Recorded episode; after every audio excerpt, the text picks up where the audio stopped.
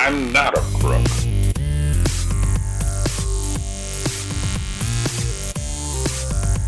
But because they are hard. Welcome to Presidential Deathmatch, a show which never has quite as much violence as its name promises. We continue to be Dennisless as we wander this wasteland of an earth, wondering when will our friend Budde return. Hopefully soon. I think soon. I do. This week, April 24th, Emmanuel Macron was re-elected the first French president in 20 years to achieve that feat. If only America had that same kind of track record. Unfortunately, we don't, and uh, we we pay for our stick-to-itiveness. Uh, now, our theme for this season doesn't quite fit with people who win elections, but I did think of some trivia in, in regards to Mr. Macron's uh, rather impressive feat. Uh, naturally, I first thought of Abraham Lincoln, who ended the longest reelection drought in American history. 32 years had passed between the reelection of Andrew Jackson and the reelection of Abraham Lincoln in 1864. Also, Woodrow Wilson ended the longest reelection drought of any active or major political party when Woodrow Wilson was reelected in 1916, he became the first Democrat to do so consecutively since the very first Democratic president, Andrew Jackson, in 1832.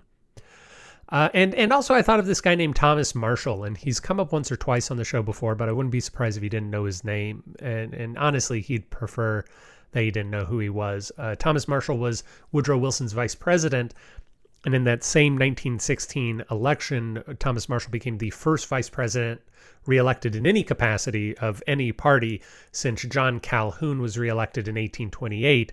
Uh, John Calhoun, of course, was the vice president of Andrew Jackson. So it's a good week for Andrew Jackson facts or Andrew Jackson related facts.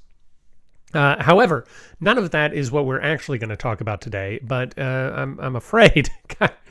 well, you know, the time has come, and uh, we're we're really going to have to start putting things behind a paywall. So uh, that that's it for the free historical information. If you want the rest of this episode, you're you're just going to have to pay through the nose for it over at PayPal.me slash Pronoia Theater or Venmo at Pronoia. And well, we're on the trust system here, so if you didn't, please just turn the the the episode off right now. That's all I ask of you. But I'm gonna I'm gonna keep going for everyone else who who did pay. Last week, big guy in a little coat, Governor Ron DeSantis picked a fight with Disney over Disney's disapproval of a dumb Florida bill. I'm sure that you know about the bill. I'm sure you know about Ron DeSantis, and I am sure you know at least a little bit of Disney's fight with them. But uh, to to recap just this most salient parts, the Florida legislature gleefully said goodbye to hundreds of millions of dollars of annual tax revenue when they revoked Disney's ability to self govern Disney World through the Reedy Creek Improvement District. General opinion, especially the opinion in Florida, is that this will lead to a loss of autonomy for Disney, which they're surely not going to like, and a loss of many millions of dollars, as I said, for the counties in which Disney resides. And I really would like, I, I mean, if you know me, I, I, really would like to talk about the, uh, you know, the economics of self-governing districts and the benefits and drawbacks of an entirely privatized police and or utilities management force, as well as theme parks. Um, but uh, but as it turns out, the wordy guys who run for president are neither whimsical enough to run an amusement park nor practical enough to be city planners. So we we couldn't really build an episode around that topic. But instead, we're going to talk about why this revocation of the Reedy Creek Improvement District happened, how it happened, why that's a corrosive force, not just in American politics, but just in general human psychology. And we're going to talk about a former presidential candidate who stood apart from all that. And, and all of all of what we're going to talk about can be boiled down to one word, and that word is identity. So it is generally accepted that DeSantis pushed for this bill because he feels pushed around by Disney itself. And, you know, DeSantis is wearing big boy pants now, so he, he, he refuses to be treated so callously. But the real question is why did the Florida legislature rush through this bill that will have sweeping consequences without thinking about it first? Because the thing is, we've got executives, we've got uh, the judiciary, we've got the legislature. And while the judiciary will get involved a little bit later on, just because the governor wants something doesn't mean the governor gets it. That happens all the time. Same with the president. Why did the Florida legislature back Ron DeSantis in what is probably a short sighted move. And while we're talking about it, why does Congress do the same when, when representatives are regularly given less than 24 hours to vote on bills that are hundreds or even thousands of pages long, which is how our government is being done these days? Is identity, specifically party identity. And outside of the economic forces that prevent many people from bucking their party too much, things like not getting reelected or getting primary challenge, things like that, or, or loss of committee assignments. Uh, by economic, I don't specifically mean financial forces. Whenever we, as a uh, species or as an individual, assign ourselves to a group, we begin to change ourselves to act in accordance with that group's values. There are a lot of interesting studies actually done to this effect. And number one, how little does it take to get people to start sorting themselves into groups? And then number two, how the perception of group identity changes one's individual behavior and and attitudes. All of that is somewhat out of the scope of what we're going to talk about today, but I, I will recommend the You Are Not So Smart podcast for a lot of fascinating discussions in, in pop psychology and other psychology, more more bedrock psychology. And if I haven't said it on this program before, I think it is a bad thing. I think it is, uh, I think I've used the word corrosive earlier in this podcast. I think it is a corrosive thing. I think it is a toxic thing. And I think it is a gross thing for any average citizen or most average citizens to identify with a political party. By that, I mean any political party. I don't think it's a good thing. It's what gets us the the sort of corporate serving folks we keep hiring back every two years and and it traps us and gets us rooting for a team instead of for principles and that allows the team the the private organization that are the republicans or the democrats or the whomever to exploit our blind spots when it comes to groupthink. And I do think our system works best when political parties compete on issues for our attention and our votes, but and naturally that's a difficult thing for them to do. So they push you to believe that you capital a are a democrat or a republican or a whig so that you stop voting for yourself you stop voting for your interests and you stop really interrogating these candidates and you just start voting for your team. And then once your team's in power, they can get up to a lot of really fun, sweet graft that they don't have to give to you because they don't really care about you. But uh, that's not really what we're talking about politicians don't switch parties often. It's not frequently in their best interest. You know, you start over at square one usually, and well, your old team hates you, and your new team doesn't really trust you. So, in the absence of realignment elections, and as it happens, we're going to talk a lot about a realignment election later on in 1896. Uh, aside from those realignment elections and long coming demographic shifts, like, say, the slow pull of the American South from a Democratic stronghold to a Republic one, a Republican one, or the switch of college educated whites from a Republican Party to a Democratic Party, you don't find a lot of party switching, especially in presidential politics, Donald Trump notwithstanding. When you do see it with, say, Ronald Reagan, it's usually over a period of many decades while you prove your bona fides in the new party. That's not true of our guy today, though. Today we're talking about Illinois statesman and 1896 candidate for the National Democratic Party, or the NDP, John Macaulay Palmer. Despite high popularity through his government service, and that spanned decades, uh, the entirety from the 1840s at the very least to 1896 and beyond, he he found it hard to get reelected because basically whenever he got to the point where he would be up for reelection, he would switch parties on principle, and that that did not bode well for his long-term success in any one position. So Palmer, as it happens, would change parties frequently during his life, and and we're going to explore his life and why he'd switch parties so much. Of the man who once said of himself that he was not a slave to any party. So please join me today for Seven Parties over Macaulay Palmer. We begin Palmer's life in 1817, and that is a long way away from his presidential run, which came at the very end of his life. He, he ran for president in 1896, he died in 1900. So we're going to go basically chronologically through his life, so we're not going to talk about the presidential run until right at the end. He's born in 1817 in Kentucky. He lives in Kentucky throughout his childhood, and as a teenager, he moves with his family to Illinois, which we all did. Each of us had that experience. All of us were born in Kentucky. All of us were born in 1817, and all of us moved to Illinois as teenagers. So we get where where Palmer is at this point. And he soon worked his way through college and he became a lawyer, which again, universal trait. Each of us is in some ways, literally or extra literally, a 19th century lawyer in Illinois. Although Palmer comes from a family of Democrats, he briefly became a member of the Free Soil Party as an act of youthful rebellion. Also, he didn't really like slavery and it was those those two things that caused him to become a free soil. He was also pro farmer. That's the free soil part of the the free soil. So those three things, being pro farmer, farmer, and uh, anti slave, and uh, also youthful rebellion, those three things caused him his first political party switch. At the age of 31, he would be a delegate to the Illinois State Constitutional Convention as a free soiler, which sounds dirty now that I'm saying it out loud instead of just writing it down. In 1852, he switched back to being a Democrat in time to be elected to the Illinois State Senate. But two years later, in 1854, he becomes an anti Nebraska Democrat, again because of the whole slavery thing. He wasn't really for it, uh, which was a controversial position at the time, less so today.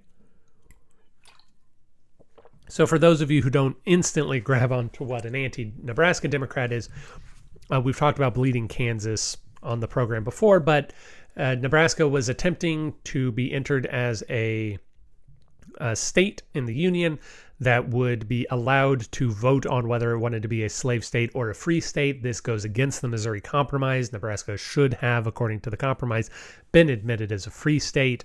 Uh, they said, let's let the people decide on it, the people who are going to be part of Nebraska. Then there's a lot of voter fraud going on at that time. We've talked about it before. We may talk about it again, but uh, suffice to say, Palmer was a guy who said, no, uh, we should follow the Missouri Compromise. So it's 1854 now. He putters around with the Dems until he gets hired onto this fresh new startup called the Republican Party in 1856. And the Republican Party is going so well that in 1860 he calls up his pal Abraham Lincoln to try and get a job with the Republican Party too. And it really works out for Lincoln. We're, we're not here to, to talk about him, but if, if, if the name rings a bell, you'll you'll know that uh, things go pretty well for Lincoln. Then they take a bit of a turn, but uh, but ultimately it's all okay. So this Lincoln fellow really disrupts America with his election. And so Lincoln asks Palmer to be the Illinois representative at the 1861 Peace Conference, which is there are a bunch of slave states, and then there are a couple of states that are deciding whether they want to, called border states, deciding whether they want to be uh, in the Union or the Confederacy. They're seeing if they can come to an agreement. They can't come to an agreement. This precipitates an event called the Civil War. I don't know if you've heard of it, but it, was pretty important at the time. Even though the peace conference doesn't end in success, by which we mean not the bloodiest war in American history, uh, Palmer does get to hang out with Salmon P. Chase and John the Two Tyler, so it's not a completely wasted vacation. During the Civil War, Palmer continues to Forrest Gump his way through American history when he not only serves under John C. Fremont, who we previously talked about, and he's specifically one of the guys who helped uh, sneak the messenger in because he was he was friends with Lincoln, so he's one of the guys who helped to sneak the messenger in that ultimately uh, managed to get Fremont to resign his command. He also gets to fight in the Battle of Chickamauga, another uh, battle and person uh, we got to talk about. Uh, Palmer does not become the Rock of Chickamauga. He's, he stays John Macaulay Palmer. But uh, both of these events have been covered in previous episodes of the show this season. Please go check them out.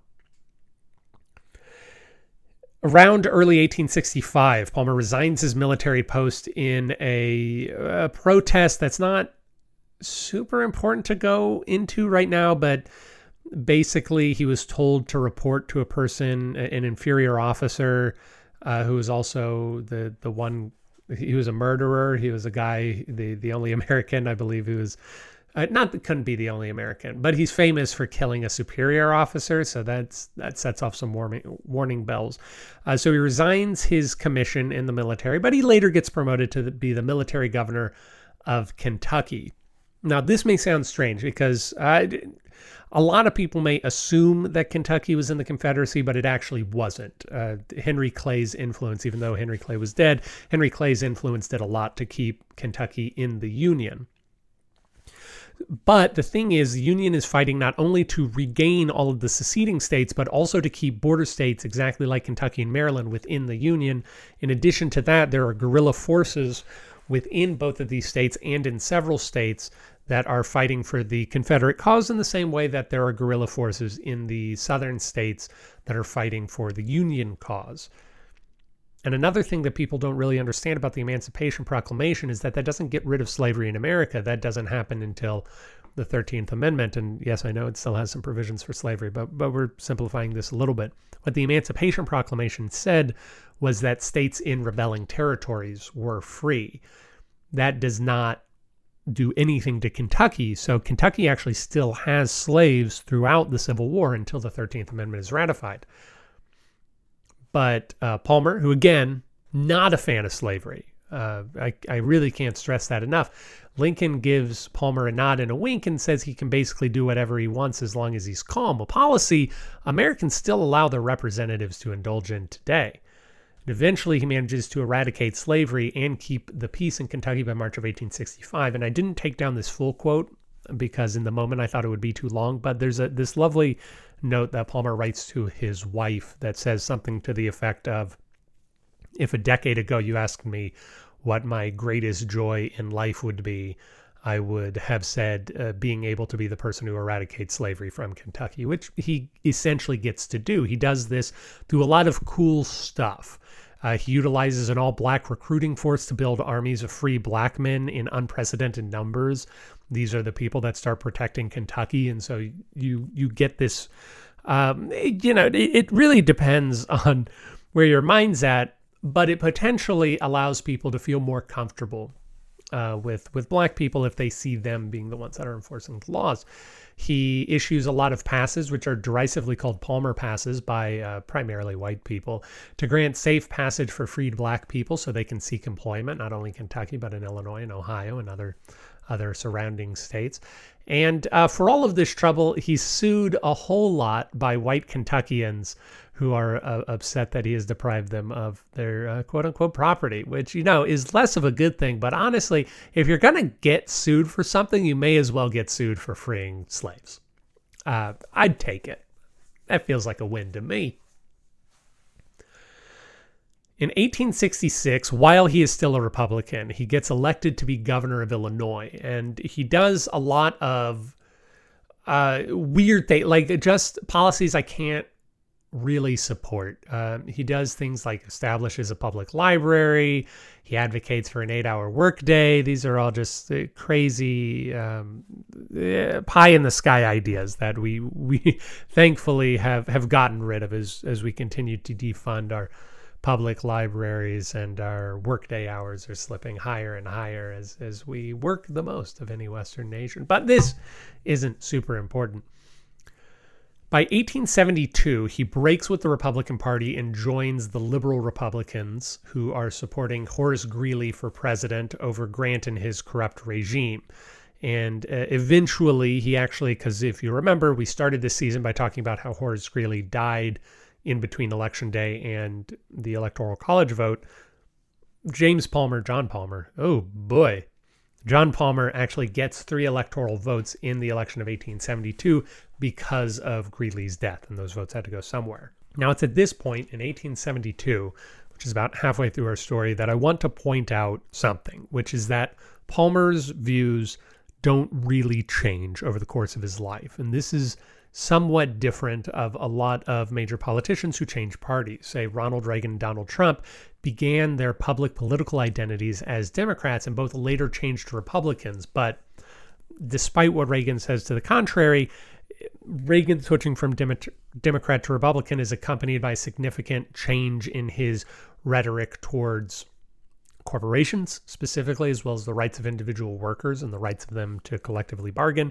And uh, Trump's uh, switch from Democrat to Reform Party to Republican, et cetera, is marked by a, a kind of anti international rhetoric. The idea being that they do change or they are at least expressing something that doesn't seem to have been part of them before. And whether it is them seeing an opportunity, taking it on, and, and feeling as though they have to, or whether it's them recognizing a part of themselves that is should be more highly weighted and switching parties because of that, the idea is that they are, in fact, changing their public stances when they change their parties. But this is not true of John Palmer. He essentially holds three views throughout his the entirety of his public life. Number one, let's get rid of slavery. Number two, the state should provide a small safety net of basic services and be free of corruption. And then number three, outside of those two things, we should generally have laissez faire economics, which is now called classical liberalism.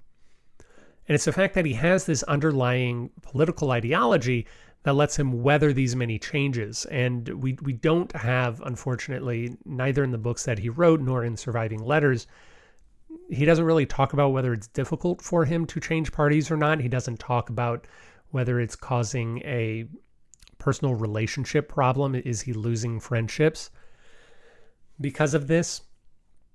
But I, I do think the fact that he has this underlying political ideology means that he can kind of stay still while the rest of politics moves around him. And uh, I, I, don't want to belabor this point, but I do think it's important just for sort of the wholeness of the conversation, specifically in regards to liberal Republicans it is important to point out that even though he was against slavery, he is in fact still in favor of what we would call states' rights or what we might otherwise call federalism, or if, if you want to strip away a lot of the technical terms, just like the bedrock that our government is founded on. He really believed that. And by 1872, there were a lot of people that felt that Reconstruction had run its course and that continued militarized presence in the South was going to hurt the cause of unity uh, and and provide for a larger permanent central government, which they didn't like. And um, you know, I think reasonable minds can differ on that in, in particular, but that does seem to be what Palmer thought when he switches in 1872 to become a liberal Republican. But let's get back into 1872. He switches to being a liberal Republican in 1872 He's up for re-election as a Republican governor in 1873. So this costs him an almost assured renomination to the governorship. He leaves public service and he writes a couple books, mostly about court cases in Illinois. Ten years later, it's 1884, he's become a Democrat again. We don't really know when that happened because he was out of political power during the time. But he appears at the National Convention. He's a delegate there in 1884, and he supports Grover Cleveland for president. He remains a supporter of Grover Cleveland, and in 1890 he's elected to the U.S. Senate at the age of 73, which is, yeah, like a spring chicken by today's standards. In 1892, the Democrats started a presidential search. Cleveland had won the popular vote in 1888, but he had lost the electoral vote. And since he spent his time during Benjamin Harrison's administration being a lawyer and fishing, it's unclear as to whether he wants to run again in 1892. Now, Chicago politicians, and we all know that Chicago politicians are the very best and most pure and least corruptible politicians. They didn't like Cleveland because he was a little too corporate, and they were wary of the other main options that they had before them in 1892, which is sort of William Jennings Bryan light. So they begin a campaign to get James Palmer nominated to be president of the United States, the Democratic nominee. During this time, Palmer actually makes a secret plan with uh, Massachusetts man and possible fish dude, Patrick Collins, to lobby for Massachusetts Governor William Russell as his VP. So he's he's kind of saying this is what the ticket would be. We'd have an Eastern guy, we'd have a Western guy, and that I think could win. However, Cleveland does want to run again, and Palmer could challenge him, but he chooses not to, and he supports Grover Cleveland's third consecutive nomination by the Democrats. And it's this particular episode I, that I really want to highlight because it's a thing that I think can get overlooked a lot in discussion of party switching. And it's this he isn't disloyal, John Palmer. He's not disloyal to the parties he's part of. He's not looking for opportunities. He's following his principles we can look at a man like Jim Justice, who's currently West Virginia's governor. Now, up until 2015, Jim Justice was a Republican. And in 2015, Jim Justice gets the idea that he wants to run for governor of West Virginia, but they already have a Republican that they're probably going to nominate. So Jim Justice switches to be a Democrat in 2015 so he can secure the nomination more easily. He wins. That's exciting for him. And then he almost immediately, within four months of taking uh, the, the gubernatorial race, he switches back to being a Republican as a way to preserve his reputation. It, and that is to say, Jim Jess is being very self serving here. Palmer isn't. He consistently works to get his friends elected. He worked hard to get Abraham Lincoln elected president. He really seems to only switch parties when he feels like there's a major issue that isn't being addressed, whether that be slavery or economic policy. And in this instance, 1892, he could have easily started a fight that he probably could have won. Palmer is a well respected guy. He's a little bit more moderate than Cleveland. He hasn't made as many enemies. He could probably get the nomination if he wanted, but he didn't out of deference to his values and loyalty to his friends. But then we get to the election of 1896, which is his presidential run. It's fi his final political party switch of his career. So we've talked before about this election, which is nominally pitched usually as William McKinley versus William Jennings Bryan.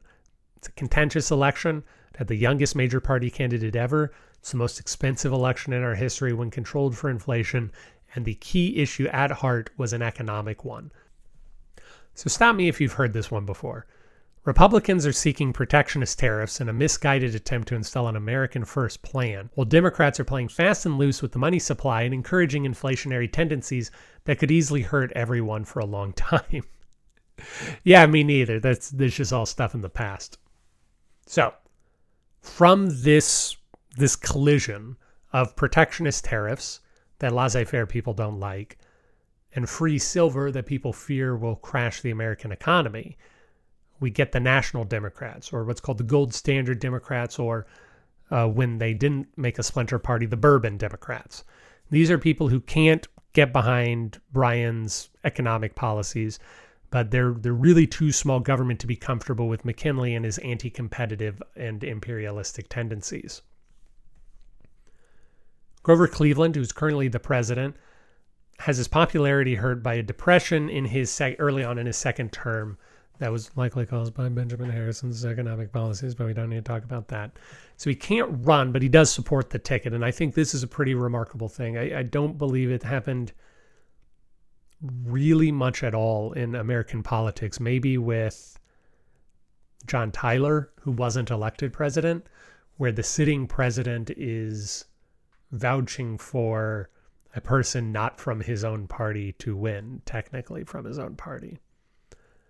Also supporting the National Democrats ticket is the first president of the NAACP, Moorfield Storey, and also future President Woodrow Wilson, although Woodrow Wilson would later disavow many of the beliefs of this caucus, and he would switch to something that was more akin to the Bryanites.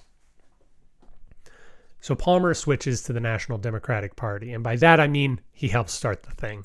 This is another party change fueled by a strong belief, in this case, economic non intervention. The party's platform includes the following attack. And we don't know exactly who wrote this, and we don't know who was on the rules committee, but, but I imagine Palmer at the very least agreed with the sentiment. The Democratic Party is pledged to equal justice and exact justice in all men of every creed and condition, to the largest freedom of individual consistent with good government, to the preservation of the federal government in its constitutional vigor, and support of the maintenance of the public faith and sound money, and it is opposed to paternalism and all class legislation. It would go on to say that the Democratic Party has abandoned these principles in favor of a fanciful notion. Palmer is 79 during this election. And if elected, if he had been elected, he'd still be the oldest president at inauguration. Frankly, that's saying something considering the last two people we elected. But instead of choosing a younger running mate, the National Democratic Party picks Simon Buckner, who's a 73 year old Confederate general, former Confederate general, I should say. This is an attempt to show national unity in a country that was still, at the time, hurting from the Civil War, but I'm glad that's over with. Despite their age, they ran an active campaign. They travel around a lot, they give a lot of speeches. As with many third parties, the people who believed in their message buckled at the last possible minute. They supported the next best option, in this case, McKinley. The NDP ticket gets about 1% of the national vote. In a bygone era of intense polarization, the third party attempt was often mocked.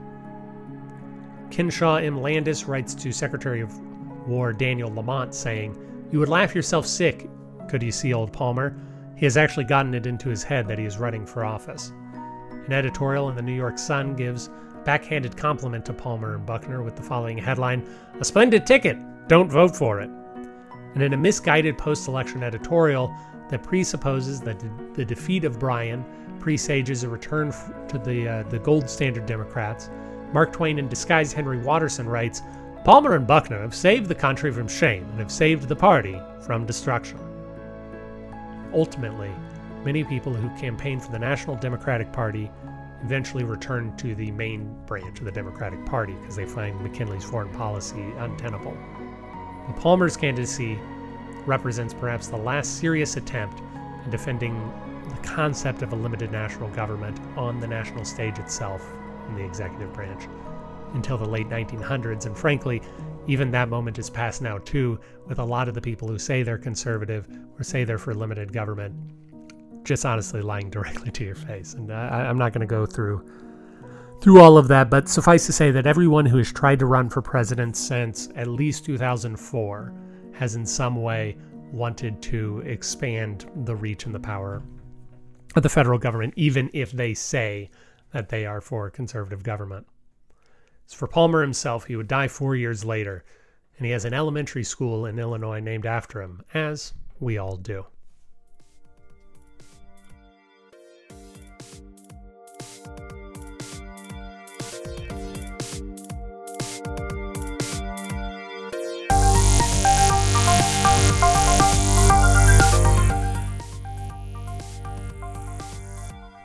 Thank you for listening to Presidential Deathmatch. Presidential Deathmatch is hosted by Aaron Garrett and Dennis Budde and edited by Aaron Garrett. If you like the show, please consider giving us a review wherever it is. You can do that, we'd really appreciate it. If you didn't like listening to the show, well, why don't you come on back and give us another try? We really grow on you. If you want to reach out to us, you can do that at contact at pronoiatheater.com. You can also support the show in a variety of ways, including at pronoiatheater.com slash store. We hope you enjoyed it, and we hope to hear from you soon.